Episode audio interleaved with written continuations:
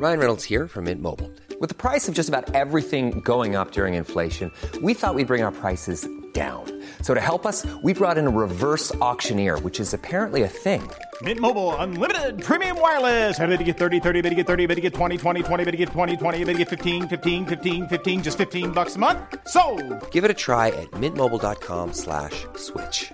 $45 upfront for three months plus taxes and fees. Promo for new customers for limited time. Unlimited more than 40 gigabytes per month. Slows. Full terms at mintmobile.com.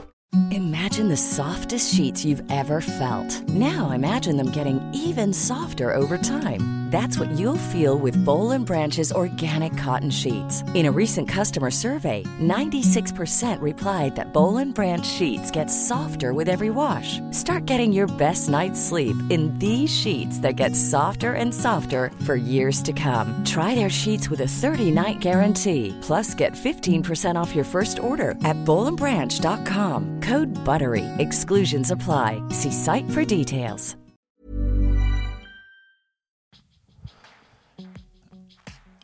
Hej på dig! Tack för att du är med mig här igen. Mitt namn är Joakim Lindén Kastnerbäck, er som inte visste det. Och varför ni, ni som har varit med från början hör mig säga Kastnerbäck, också det är för att jag har gift mig. Jag har också blivit pappa i dagarna som är väldigt stort för mig. Det är därför det här avsnittet är lite sent ute. Normalt brukar jag släppa i slutet av varje månad, men det här kommer ju komma i början av juli istället. Men, men nog om mig och tillbaks till det här avsnittet som är att genomskåda en narcissist. Jag intervjuar Martina och ni som inte har lyssnat på del 1, för det här är del 2 av, ja, del 2 av 2. Lyssna på del 1 så förstår ni mer i alla fall. Och ni som har lyssnat på ja, del 1 och ser fram emot att höra fortsättningen av intervjun så slutar jag prata här nu och släpper på intervjun i sig. Så tack, tack. Nej, men det var, den händelsen var ju någonstans här. Det var en, en väckarklocka för mig kan jag säga. Att eh, herregud, jag har ju liksom aldrig betett mig så tidigare någonsin. Och nu hände det här med honom och alltså jag, jag mådde så sjukt dåligt av just både liksom av det han har gjort men alltså hela händelsen i sig, att jag reagerade som jag gjorde. Eh, och det var ju väckarklockan som gjorde då att, att jag liksom beslutade mig för att jag ska lämna honom. Men Sen tog det ju några månader innan Och det, det var faktiskt... alltså, ursäkta nu avbröt jag igen, men det var också mycket på grund av hur du själv betedde dig, inte hur han har betett sig. Ja, Och det är också så här väldigt ja exakt. paradoxalt Exakt, intressant. exakt. Och, och det kan jag också säga så här, att initialt så tog han ju på sig skulden för det här. Och han, det var som att han så här, förstod att skulden ligger på hans sida och att ehm, men han måste...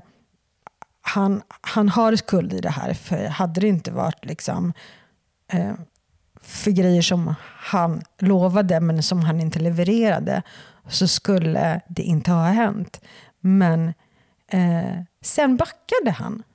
Eh, från att ha liksom tagit på sig skulden över liksom så här, men det är jag som har fått dig att reagera så här till att helt plötsligt bara Nej, men du är en jäkla galning. Du är ju dum i huvudet. Du är sjuk i huvudet. Så här, hur, du har ju fått så här raseriutbrott i mitt badrum. Så här, jag skulle aldrig någonsin kunna göra så där om det var liksom omvända situationer.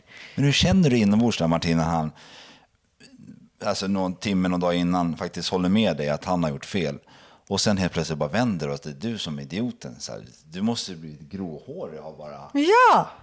Och jag blev så här, jag fattade inte liksom så här, vad, vänta här, vad är det som händer? Så här, och det sa jag till honom också, men vänta här. Först säger du en sak och att du liksom, du fattar ju att, att det är liksom, i grund och botten så är det ditt fel. För det var ju det, det var liksom en uppbyggd frustration. Men frustrationen bygger ju liksom på den frustrationen som han har liksom gett mig. Eh, till att helt plötsligt bara vända. Så här 180 grader bara. Nej men eh, det är inte mitt fel. Jag har inte gjort någonting. Det, det är ju du som är den här galna här. Eh, det är klart att man blir ju ännu mer frustrerad. Ja. Men tror du att han insåg sen att fan, det här kan jag vända på? Jag kan ju, om jag Ja, det tror jag. Ja, Exakt så. var det. Sen fick han det lite mer under lillfingret kanske, vad man ska säga. Men det han inte förstod att han faktiskt fick dig längre ifrån sig på grund av att Mm. han eh, antydde att du hade faktiskt betett dig på det här sättet. Mm. Så att det var ju, det var ju snällt av honom då. Men Och det här laget, vid det här laget hade du inga misstankar om vad ens, eh, att han skulle vara narcissist eller någonting. Förstod du på något sätt att, för jag har insett att eh, gränsen mellan kärlek och besatthet och allt det här eh, kan vara väldigt, den kan vara väldigt skör. Så här, och eh, att man ibland kan ha svårt att se skillnad på att vara kär och vara besatt. Så här. Vad, vad, vid det här laget, vad var du han? Var du fortfarande kär med fjärilar i magen och allting? Eller tror du att du var extremt besatt av honom? Gud, svår fråga. Jag tror kanske både och, faktiskt. Ehm, alltså jag blev ju liksom besatt av honom. Eller så här, jag blev besatt av att ha en relation med honom. För det var ju det vi hade pratat om hela tiden, att det skulle bli vi och vi skulle göra en massa saker ihop och att vi skulle bo ihop. Eh, vi skulle resa ihop och att, alltså, du vet, han målade ju upp en sån här fantastisk eh, bild på hur eh, vi två i den här relationen skulle liksom eh, se ut med varandra. Och sen så bara händer det inte. Tiden går och går och det är liksom inget av det han säger händer. Det är klart, då, då, liksom, då har jag liksom hängt upp mig på det här som han har lovat. Men som, som aldrig har liksom blivit av. Så att det är klart, jag blev ju liksom besatt av av att få de här, eh, alltså den relationen som, som han har lovat mig. Ehm, men sen så blev jag blev ju besatt av honom också. Ja, intressant eh, grej, besatt av att få en relation med honom. Det var ju en, intressant eh, vinkling för det hela som jag på något sätt köper också som blir en ekvation till det hela. Så det är inte bara personer frågar, det är just vad det, vad det kan bli med, med, med er, er två. För han såg ganska tydligt att han ville ha barn med dig och skulle Ja. gifta er och hela den här falutan. Bo- Och ni skulle åka utomlands massa gånger och aldrig av heller. Ja. Så han gav dig massor. Ja. Du fick inget. Nej, exakt. Han lovade massor men du fick inget. Ja, exakt så. Och det här, det, här, det här snacket om barnen, det var ju också så här, det var ju bara snack. Ja, det var det bara var ju, snack. han var ju inte intresserad av att skaffa barn med mig. Utan det var ju bara en massa skitsnack för att jag skulle åka dit. För att jag skulle liksom, ja, men få känslor för honom. Och, och tycka liksom att ja, men han är en så här bra kille som är så superintresserad av mig. Som älskar mig på riktigt. Men det var ju bara skitsnack. Det var bara spel. Jag älskar dig på riktigt.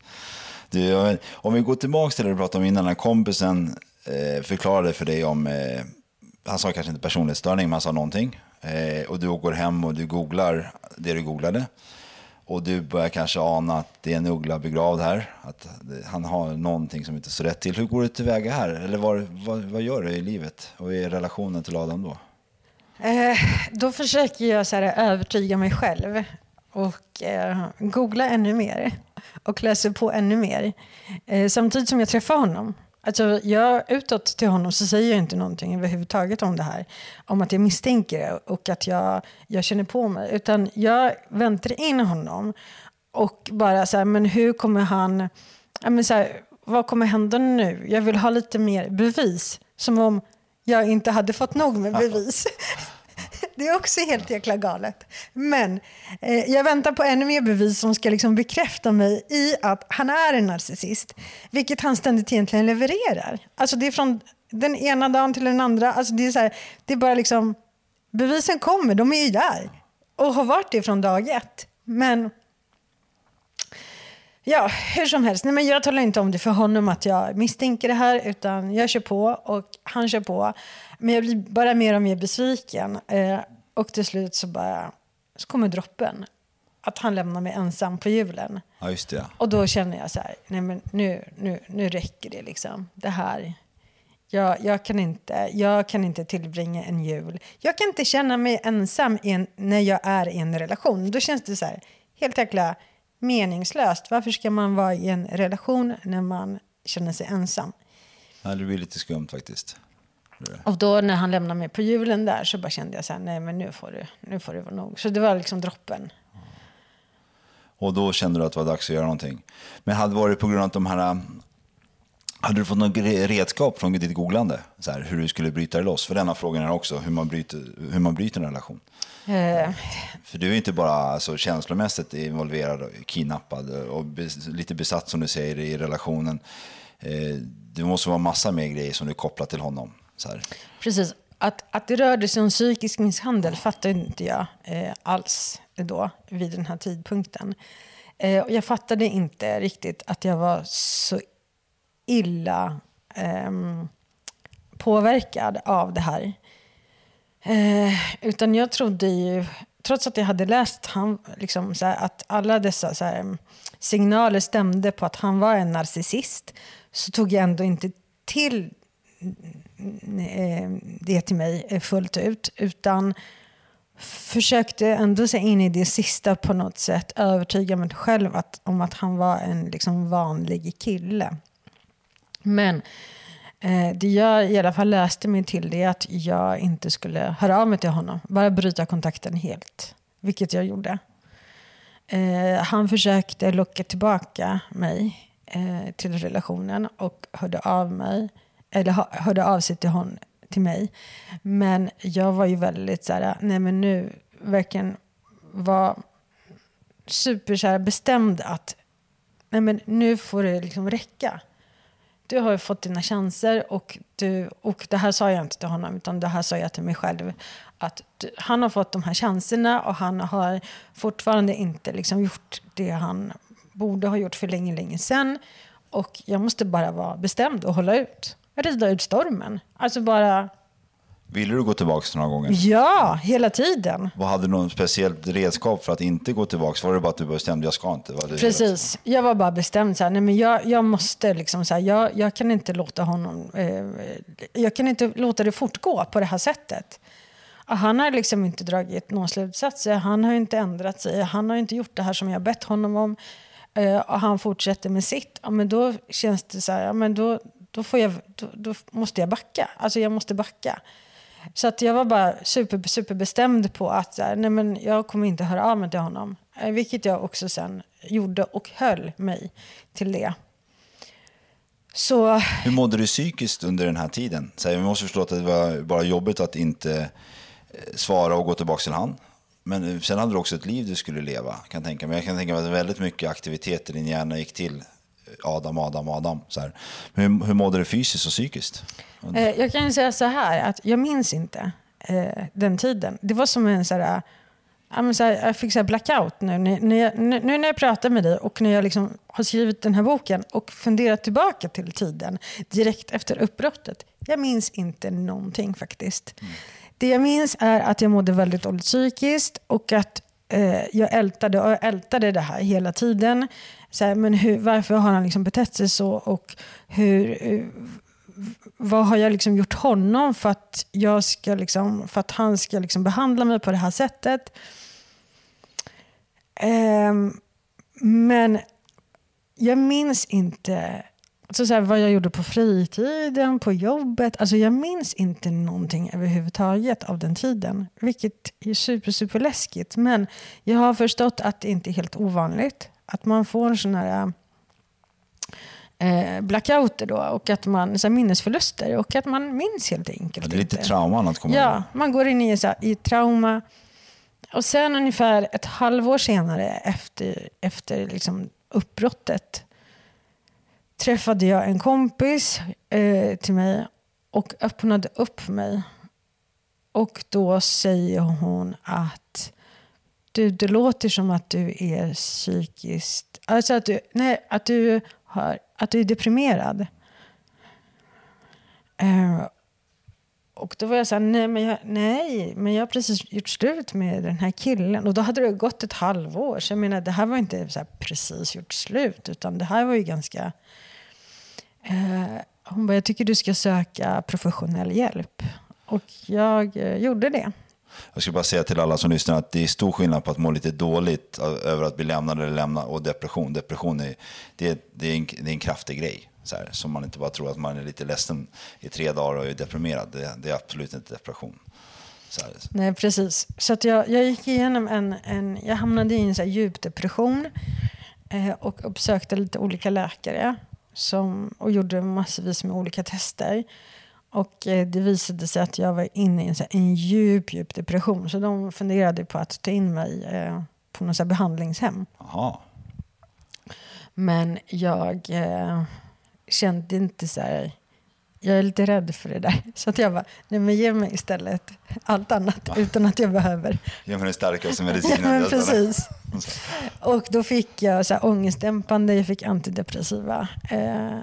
Hjälpte det? Eh, ja gjorde det. Skönt. Ja. det, var, det var som... Eh, jag hade ju lite biverkningar också, ska jag tillägga, eh, av de här medicinerna. Men det är liksom ingenting mot eh, liksom det här jobbiga som var. Eh, det här psykiska Nej, som var. det. Men gud vad det hjälpte. Hjälpte massor. Ja, för jag läser mycket om depression och jag vet, det, är, det är verkligen ett kraftigt state of mind. Det är inte bara att vara lite ledsen. Så, här. så det, medicinering är bland det, det är att föredra en stund. Ja, precis. Jag tycker inte så här, det här ska inte folk liksom skämmas över. Det var någon läkare som sa till mig så här, men, så här, bryter man benet då tar man hjälp av en krycka. För tills liksom benet blir bra igen, tills man kan liksom stödja sig på det och börja gå på det igen. Och så funkar det med, liksom med antidepressiva också. Att man, man kan ta dem en period i, i sitt liv eller så, så länge man behöver just för att de ska liksom ja, men hjälpa till att funka normalt i livet. Hade det inte varit för de här depressiva, ja men gud, då, hade, då vet inte jag om jag hade liksom suttit här idag och pratat med dig. Så de hjälpte mig väldigt, väldigt mycket. Hur lång tid tog det innan du var liksom nå- någorlunda okej på benen igen? Efter, när, efter han lämnade på julafton, hur lång tid tog det? Jag skulle säga att det tog nästan ett år faktiskt. Ett år. Mm. Vad lång tid. När bestämde du för att skriva den här boken? Det var under den här perioden. För jag kände då att jag behövde... att Jag skrev väldigt mycket. Eh, någon slags dagbok eller anteckningar kring så här, olika händelser. För att just här, reda ut för mig själv. Så här, vad är det här som, jag, som har hänt med mig? Vad, vad, vad är det här? För att så mycket visste jag ändå att det här, är, det här skiljer sig från, från, från tidigare relationer och att det här, den här upplevelsen är inte normal. Och då försökte jag på något sätt, så här, svart på vitt, så, här, så att jag började, började liksom anteckna. Alltså från de här anteckningarna så slog, jo, och då började jag liksom också söka på information på böcker på svenska om narcissism. Förutom då att jag googlade. Men, och när man liksom googlar, det är väldigt mycket så här engelska artiklar som kommer upp. Men jag ville ha någonting på svenska. Och då, eh, svenska, det finns ju en del svenska böcker inom ämnet. Men de är mer så här akademiskt skrivna och ganska så här, jag vet inte, inte riktigt... Alltså när man, när man är i det stadiet så vill man liksom läsa någonting som är informativt men ändå ganska så här lättsmält. Eh, och där man liksom känner igen sig. Och jag kände så här, jag lånade de här böckerna på biblioteket men jag kände så här, gud de här var, ja, visst de gav mig viss liksom insikt och viss information men inte riktigt så här att det var den här typen som jag liksom sökte efter. Så då tänkte jag så här, men jag sätter mig ner och börjar liksom, utifrån de anteckningarna som jag hade fört, att jag ska försöka liksom så här reda ut, så här, men jag kanske ska skriva ett utkast, bara liksom så här, bara en så här bokidé kanske, så här, om, om det jag har liksom varit med om. Och då gjorde jag det och eh, utifrån den bokidén eh, så fick jag ett bokkontrakt och började skriva manuset. Jag vet, en av frågorna jag fick, jag tänkte ska, ska, jag dra dem snart, men vi kan ta dem på en gång. En i alla fall, det var hur det var att skriva boken alltså, känslomässigt. För det måste ha varit en, verkligen en resa i, i, med psykisk misshandel, våld mot dig själv och eh, massa påminnelse om, så här, om, vad säger man, löften som aldrig blev besvarade. Eh, alltså, för min del så underlättar ju det att jag jobbar ju väldigt mycket med kommunikation och eh, har eh, min liksom, kommunikativa utbildning. Så, och jag är en skrivande människa. Så för mig så, så var det typ en ventil kan man säga, eh, att, att skriva av mig. Eh, Så för mig så var det väldigt eh, lätt att skriva ner eh, orden. Men det var jobbigt på det sättet att jag grät ju för att jag liksom fick ju färdas tillbaka i tankarna till situationen som var då. Och då, det var jobbigt på det sättet att, eh, att minnas tillbaka och gå tillbaka till tankarna till vad som hade hänt. Men Eh, och jag kan också säga att jag grät ju väldigt mycket den första perioden. Ja, det förstår jag. Eh, för att det var, det var så intensivt också känslomässigt. Eh, men sen ju mer jag skrev, ju, ju längre tiden gick och i samband med att jag tog de här antidepressiva och var i samtal med psykologer så, så släppte ju de här starka känslorna och de släppte ju liksom allt mer och mer och mer och mer. Och till slut så grät jag inte alls någonting. Och, nu kan jag, och det kan jag också säga så här, förut så hade det varit svårt för mig att ens ha det här snacket med dig, att jag sitter och berättar om det här nu och till och med ler när, när vi snackar. Det hade varit helt omöjligt för mig eh, tidigare, för då hade jag bara gråtit. Ja, jag förstår. Det, det verkar verkligen som att du äger din historia nu. Ja. Så jag, apropå det, ska prata skam och skuld. När du pratade att du inte kunde prata om det förut. Det måste varit för att du kände mycket skam och skuld. Hur stor del av den här resan har bestått av skam och skuld? I, med Adam och i själva din resa ur det? Eh, från början väldigt mycket eh, mitt eget, att jag tyckte att det var mitt eget fel och att det var eh, liksom min, mina men, så förväntningar och förhoppningar och att eh, mm, eh mitt beteende gentemot honom och att jag gjorde fel. Alltså, jag skuldbelade mig själv väldigt mycket till en början. If you thought the only way to get a more defined jawline with natural-looking results was through surgery, think again. Juvederm Volux XC is a non-surgical injectable gel filler that improves moderate to severe loss of jawline definition and can help you achieve natural-looking results with little downtime. Even better, this improved definition lasts up to one year with optimal treatment. No maintenance required. Improve jawline definition for a smooth, sculpted look with Juvederm Volux XC. For important safety information and to find a licensed specialist, visit juvederm.com. That's J U V E D E R M.com. Not for people with severe allergic reactions, allergies to lidocaine, or the proteins used in Juvederm. Common side effects include injection site redness, swelling, pain, tenderness, firmness, lumps, bumps, bruising, discoloration, or itching. There's a risk of unintentional injection into a blood vessel, which can cause vision abnormalities, blindness, stroke, temporary scabs, or scarring. Talk to a licensed specialist to find out if it's right for you. Burrow's furniture is built for the way you live. From ensuring easy assembly and disassembly to honoring highly requested new colors for their award-winning seating, they always have their customers in mind. Their modular seating is made out of durable materials to last and grow with you. And with Burrow, you always get fast, free shipping. Get up to 60% off during Burrow's Memorial Day sale at burrow.com slash ACAST. That's burrow.com slash ACAST. burrow.com slash acast. Men sen så börjar jag liksom så här att, ja, men så här, styra om tankarna och börja inse så här, nej men alltså, det är inte mitt fel att det jag, Han har ju fått chansen. Jag har ju liksom så här, presenterat för honom så här, men det här behöver jag från dig. Jag vill att du gör det här och det här för att den här relationen ska funka. Jag har verkligen varit så här, supertydlig, men han har ändå liksom inte tagit till sig saker som jag har sagt.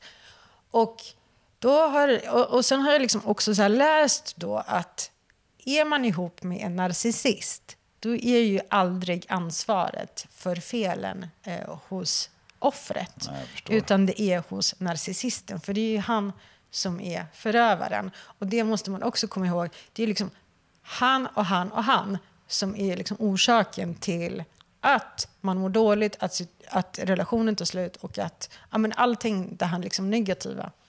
Om Adam läser den här boken, skulle han fatta att det var Adam det handlade om?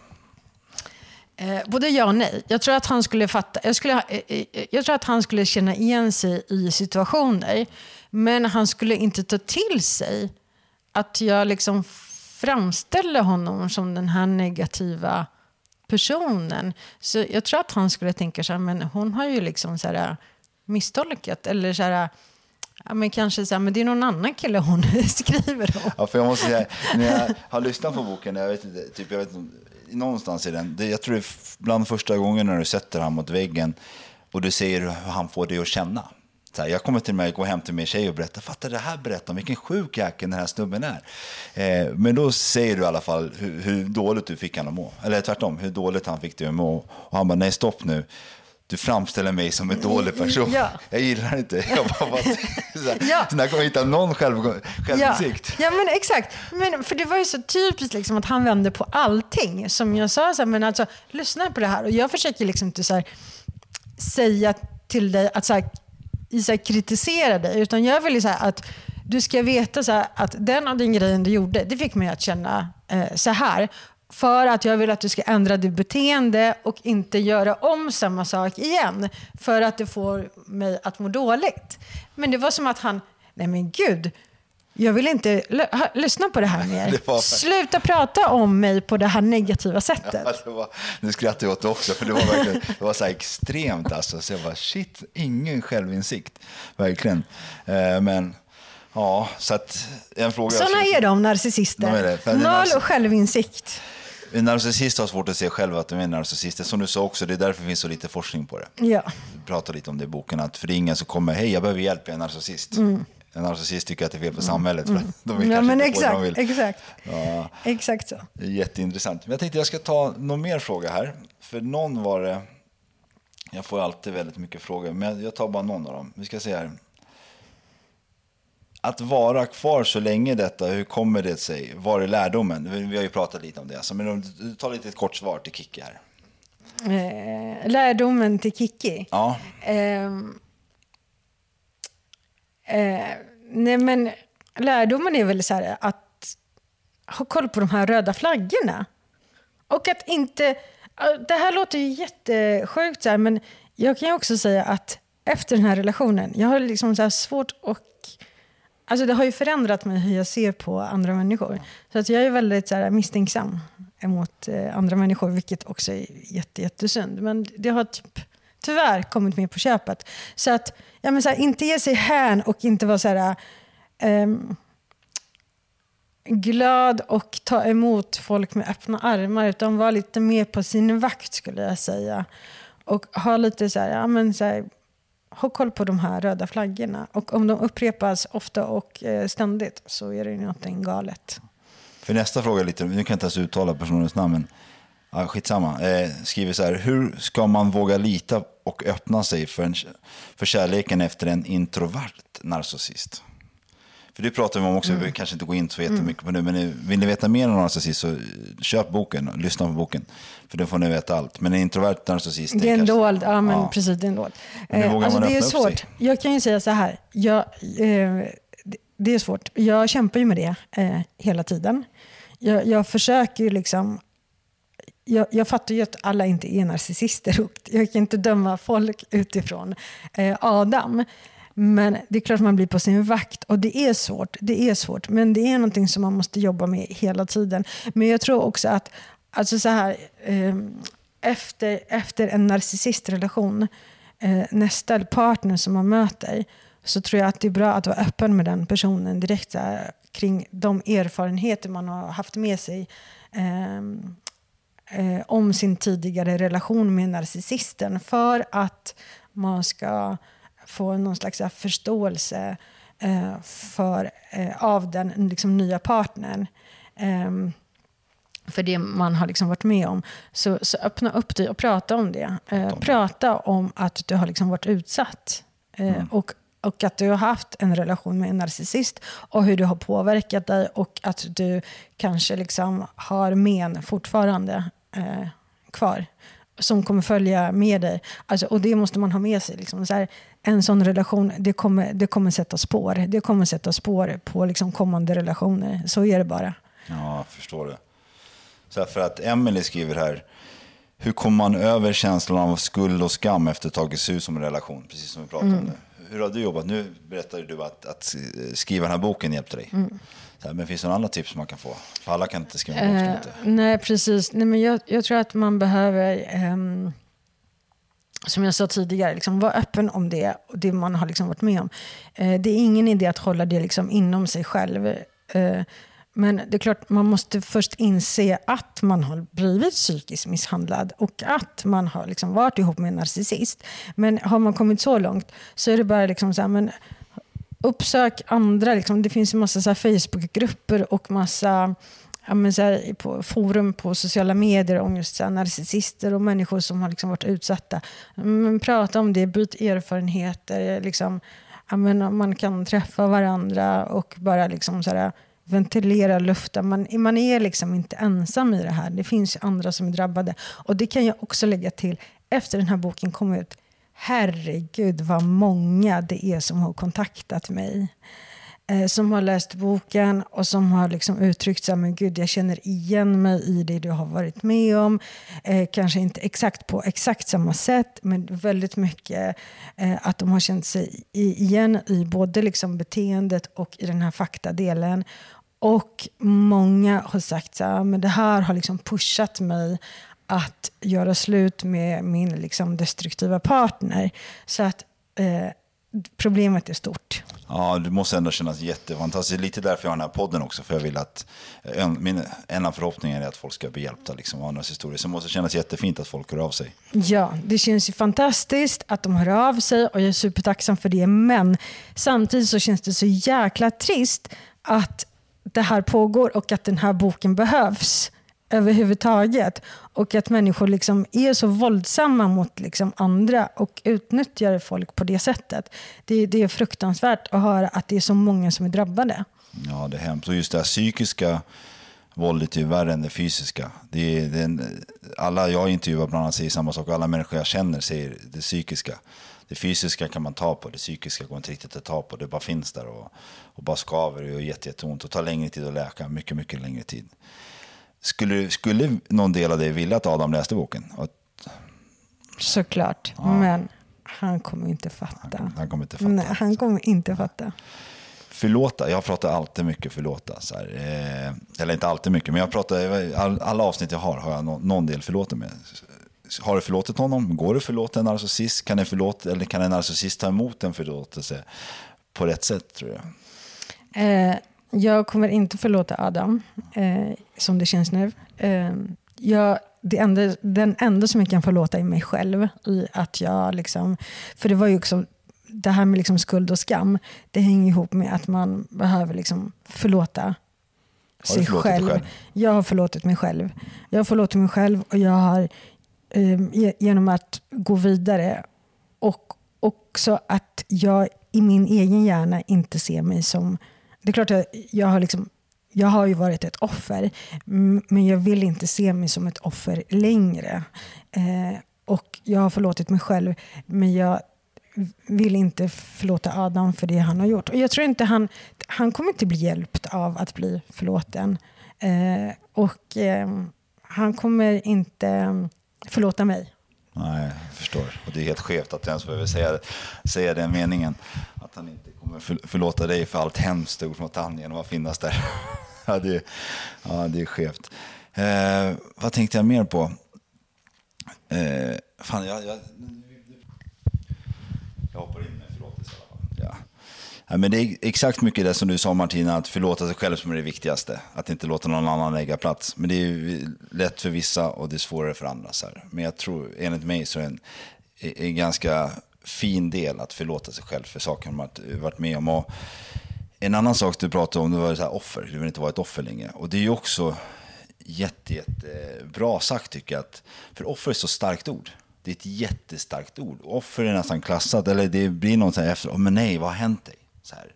Och det som har hänt är ju oftast bara att man haft otur och råkat ut fel person vid fel tidplats. Eller fel plats liksom, man har inte gjort någonting.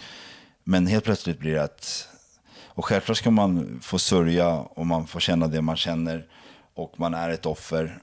Fast man ska inte, jag vet inte, det är väldigt komplicerat och jag vill på något sätt att det är viktigt att prata om att ett, ordet offer ska inte vara skambelagt. Det ska, det ska, det ska inte vara helst där. Nej, nej, men precis. Och jag menar, jag hade ju goda intentioner. Alltså, och när jag gick in, in i relationen, att jag tänkte så här, men nu har jag hittat den här mannen som är så fantastisk och så där. Och inte hade jag liksom en tanke på att eh, jag skulle utsättas för det här. Men det, som du sa, det var liksom en period i mitt liv och jag har bearbetat det eh, på liksom både liksom så här, eh, inom mig, eh, men också tack eh, vare både psykologer och, och eh, de här liksom antidepressiva.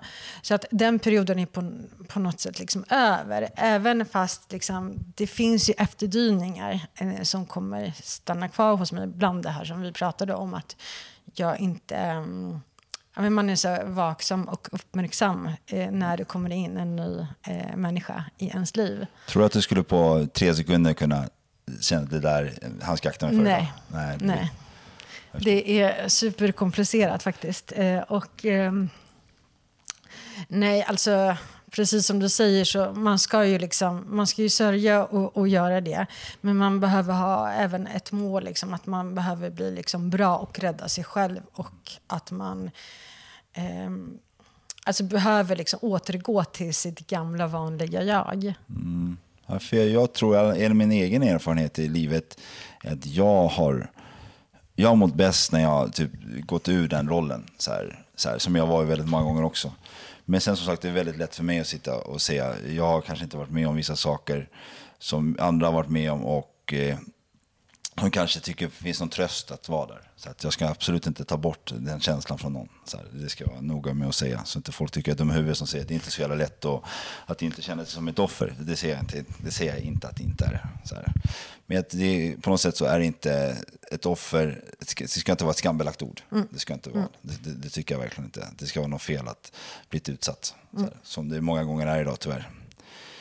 Vad händer i livet idag? Du säger att du har, eh, du har ett vakande öga för relationer. Och att du, det finns fortfarande vissa saker som följer med dig från relationen med Adam. Så här, men med boken, den släpptes precis. Hur länge, länge har den funnits ute? Eh, en månad ungefär. Månad, och du har fått bra recensioner kring det? Ja.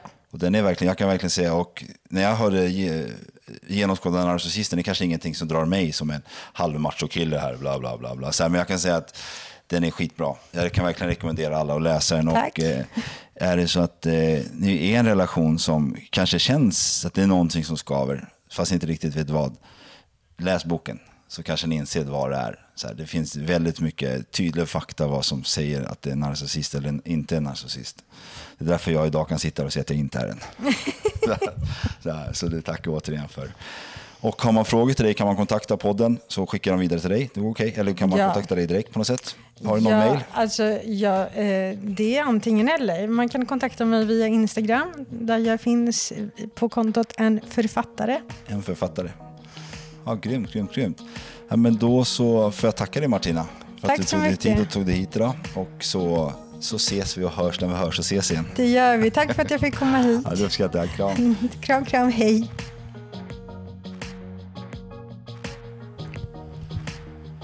Sådär, det var del två av genomskåda narcissismen. Narciss inte genomskåda narcissismen, genom, att genomskåda narcissist. Jag är lite dyslektiker och ni som lyssnat och tänkt på det att jag håller på att svamla med orden ibland så får ni väl ha lite ursäkt för att jag har, tjej var ju dyslektiker med prat att göra, men jag har lite svårt med ord ibland. Så här, det går inte riktigt ihop sig. Och jag hör ju det när jag redigerar de här intervjuerna, men jag väljer att inte göra så mycket åt det för jag är den jag är liksom. Vill ni ha någon som pratar ren svenska och är jättebra med grammatiken och orden så kanske inte den här podden är någonting för er. För att jag är väldigt ja, ofiltrerad tror jag. Eh, men eh, återigen vill jag tacka Martina för att hon ställde upp. Och ni hörde på slutet av den här delen att jag, sa att, eller jag ställde frågan när den här boken släpptes. Hon sa i cirka en månad. Men nu var ju den här intervjun, jag kommer inte ihåg exakt. Den är, nu är det här i början av juli 2021. Och den här, det, var, det var säkert tre månader sedan, så boken har säkert funnits ut ett halvår, fyra, fyra månader till ett halvår, som ni vet. Men jag rekommenderar verkligen åt er alla igen att eh, lyssna på den eller köpa den. Och min flickvän eller min fru, eh, som också lyssnar på det här, sa att jag vid tre tillfällen påpekade att, eh, att jag är glad att jag inser att jag inte är narcissist. Så här, och då kan man fråga sig varför lägger jag så mycket energi på att tänka på det? Det är bara för att jag tror att jag har tänkt tanken många gånger. Men jag tror att jag istället har varit en liten självisk person som är väldigt självcentrerad många gånger. Som kan, eh, eh, som, kan som kanske kan tolkas som, eh, som narcissistisk för mig själv. Men jag tror jag har lite mycket empati för att vara narcissist. Det är i alla fall det jag har fått fram. Ja, ja, nu snackar jag alldeles för mycket. Har ni frågor och eh, så dra mail till mig på brottsofferpodden at gmail.com och fortsätt sprid podden för den växer och växer och det uppskattas. Och följ oss gärna på oss, följ mig gärna, följ podden gärna på ja, Brottsofferpodden, Instagram och Facebook. Just nu är jag inte så jätteaktiv där för att jag har precis blivit pappa så jag väljer att, jag har valt att ta bort sociala medier så jag håller inte på så jättemycket där. Men jag kommer gå in där och lägga ut såklart som jag gör varje gång jag släpper ett nytt avsnitt kärlek till er och hoppas ni har en fin morgon, natt, kväll, dag eller vad nu klockan är när ni lyssnar på det här. Ta hand om er. Historia som berättas har satt sina spår. Finns ingen skam att känna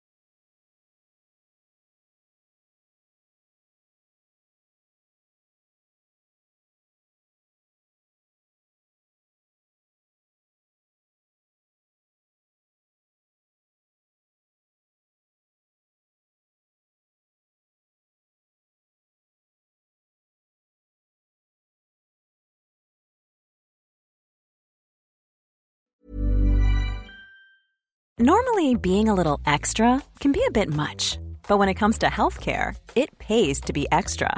And United Healthcare makes it easy with Health Protector Guard fixed indemnity insurance plans. Underwritten by Golden Rule Insurance Company, they supplement your primary plan, helping you manage out of pocket costs without the usual requirements and restrictions like deductibles and enrollment periods. So when it comes to covering your medical bills, you can feel good about being a little extra. Visit uh1.com to find the Health Protector Guard plan for you. Imagine the softest sheets you've ever felt. Now imagine them getting even softer over time. That's what you'll feel with Bowl and Branch's organic cotton sheets. In a recent customer survey, 96% replied that Bowl and Branch sheets get softer with every wash. Start getting your best night's sleep in these sheets that get softer and softer for years to come. Try their sheets with a 30-night guarantee. Plus, get 15% off your first order at bowlandbranch.com. Code BUTTERY. Exclusions apply. See site for details.